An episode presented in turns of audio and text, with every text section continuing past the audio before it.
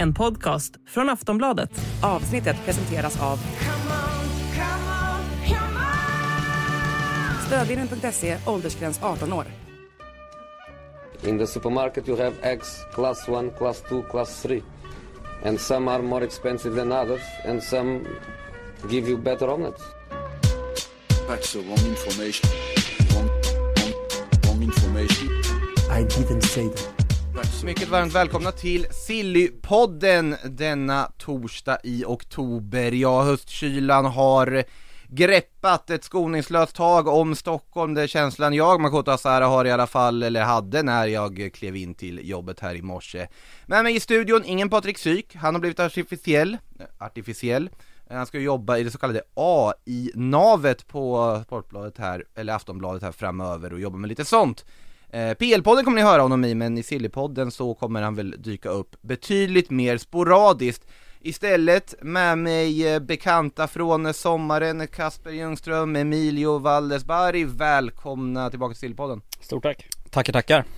Hur har ni det och har ni haft det här under säsongsinledningen? Um, jo men bra, alltså som, eh, som West Ham-anhängare så har man inte så mycket att klaga på nu. Det är full pott i Europa, det, det rullar på i ligan, eh, värvningarna gör succé så att, eh, ja men det, det känns bra.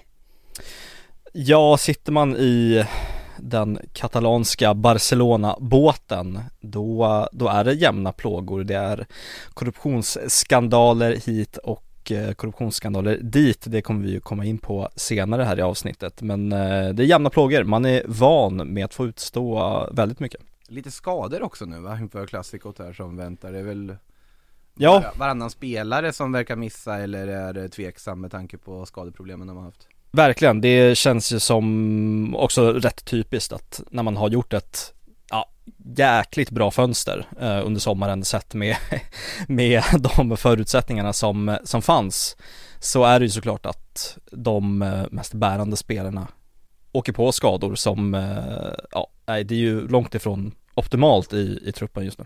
Ja, vi kommer in lite på Barca-truppen här också framöver. Vi kan konstatera, Lamine Yamal var ju skadad, det kan vi konstatera. Det kan vi konstatera. I slutändan, det spanska fotbollsförbundet behövde kolla det med egna ögon och skicka honom haltandes till Madrid. Det är en annan diskussionspunkt. Men någon som är skadad och allvarligt skadad, otroligt tråkigt nog, är Neymar Junior. Det spelades ju VM-kval här nu under eh, veckan i Sydamerika. Brasilien hade väldigt jobbig samling, kryss hemma mot Venezuela, vilket slutade med att Neymar fick en popcornlåda i huvudet.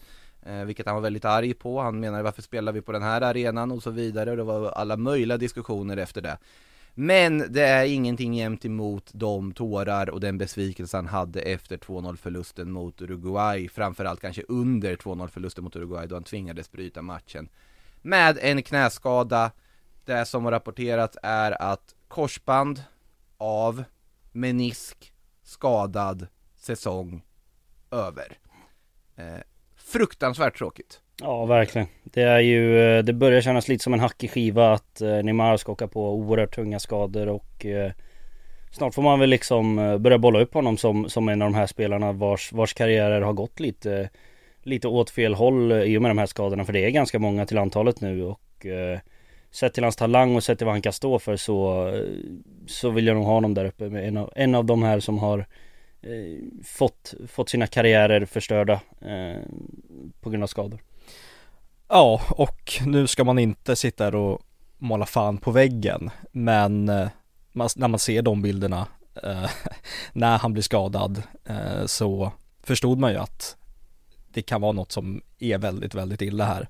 Och att korsbandet är av och menisken skadad samtidigt eh, säger väl också en del om hur allvarligt det är och säsongen är över och det blir väl 9-10 månader eh, i rehabrummet men frågan är Ja jag sitter i alla fall här med känslan och lite som att det är liksom början på På det riktiga slutet Av Neymar med tanke på flytten till Saudi Och en säsongsförstörande skada på det Ja, på något sätt liksom Copa America kan man ju glömma i det här läget. Är väl, kän- ja, möjligtvis han skulle kunna in tillbaka. Han har hunnit tillbaka från sånt där förut i sådana sammanhang. Eh, sen ska vi också lägga till där att Al-Hilals sätt att presentera det här och skicka stöd till honom var ju ganska bisarrt när de väljer att klippa ut en bild på när han ligger där och har ont på planen. Eh, inte helt perfekt kanske av det sociala medier-teamet i, i den saudiska storklubben. Men eh, ja, det är eh, otroligt tråkigt eftersom han är Neymar, nu hade vi för inte sett så mycket av honom i ligasammanhang ändå. Eh, I och med där han vistas nu för tiden, men likväl eh, otroligt tråkigt för en annars otroligt sevärd fotbollsspelare. Eh, och det, det, är inte så muntert i det här körschemat överlag här i början ska sägas, för då kommer vi till en annan sak, helt till eller eh, liksom annan grej som inte har någonting med Neymar och en skada att göra utan snarare då den ja, stora snackisen i fotbollsvärlden under de senaste dagarna, nämligen bettingskandalen som har nystats upp i Italien. Nicolo Fagioli kommer inte att spela fotboll under de kommande sju månaderna för att ha bettat illegalt då på fotbollsmatcher, någonting han erkände rakt ut, han slängde upp alla kort på bordet och så vidare. Eh, ska säga mer ingående om den här bettingskandalen kan ni lyssna på här under veckan i Sportbladet Daily. Eh, ska vi lägga till eh, som en disclaimer. Men eh, ja, det betyder ju också att Juventus behöver ge sig ut på en transfermarknad, men det kanske också Newcastle behöver göra i och med att Sandro Tonali också har lagt alla korten på bordet och också då till synes lider av eh, spelmissbruk helt enkelt, vilket också har erkänts från hans sida. Och han har ju också bettat då på matcher där Milan och Brescia har varit inblandade under den tiden han spelade i Milan och Brescia. Ja, det, det man kan säga kort är väl att eh, det här är ett problem. Ja, ett jätteproblem och eh, avstängningen på Tonali väntas ju bli, bli snäppet värre än vad både Ivan Tony och Nicolo Fagioli verkar få här så mm. att eh, Eh, ja, det är inget snack om att Newcastle, om de vill fortsätta sin, sin resa mot toppen eh, så får man nog verkligen eh, se sig omkring ganska snabbt för en, för en ny stjärnmittfältare. Hallå kära lyssnare, Makoto här. Det här avsnittet av Sillypodden är exklusivt för Plus och podmi kunder Och för dig som vill lyssna i Plus så har vi ett erbjudande just nu, två månader för endast 49 kronor. Gå in på kampanj.aftonbladet.se sillypodden och då får du givetvis tillgång till allt annat plusmaterial också, live-matcher, tv-specialer, Sillysvepet med Daniel Kristoffersson, kröniker och mycket, mycket mer. Kampanj.aftonbladet.se sillypodden alltså. Och vill du testa Podmi? Ja, då kan du göra det kostnadsfritt i 14 dagar. Och förutom Sillypodden, Premier League-podden och Allsvenska podden så finns det en massa andra bra poddar för dig som älskar sport. Vad sägs om den nervkittlande I skuggan av sporten eller succépodden Viaplay F1 Podcast, idrottshistoriska episka sportögonblick, kanske nystartade Rivalerna och många fler.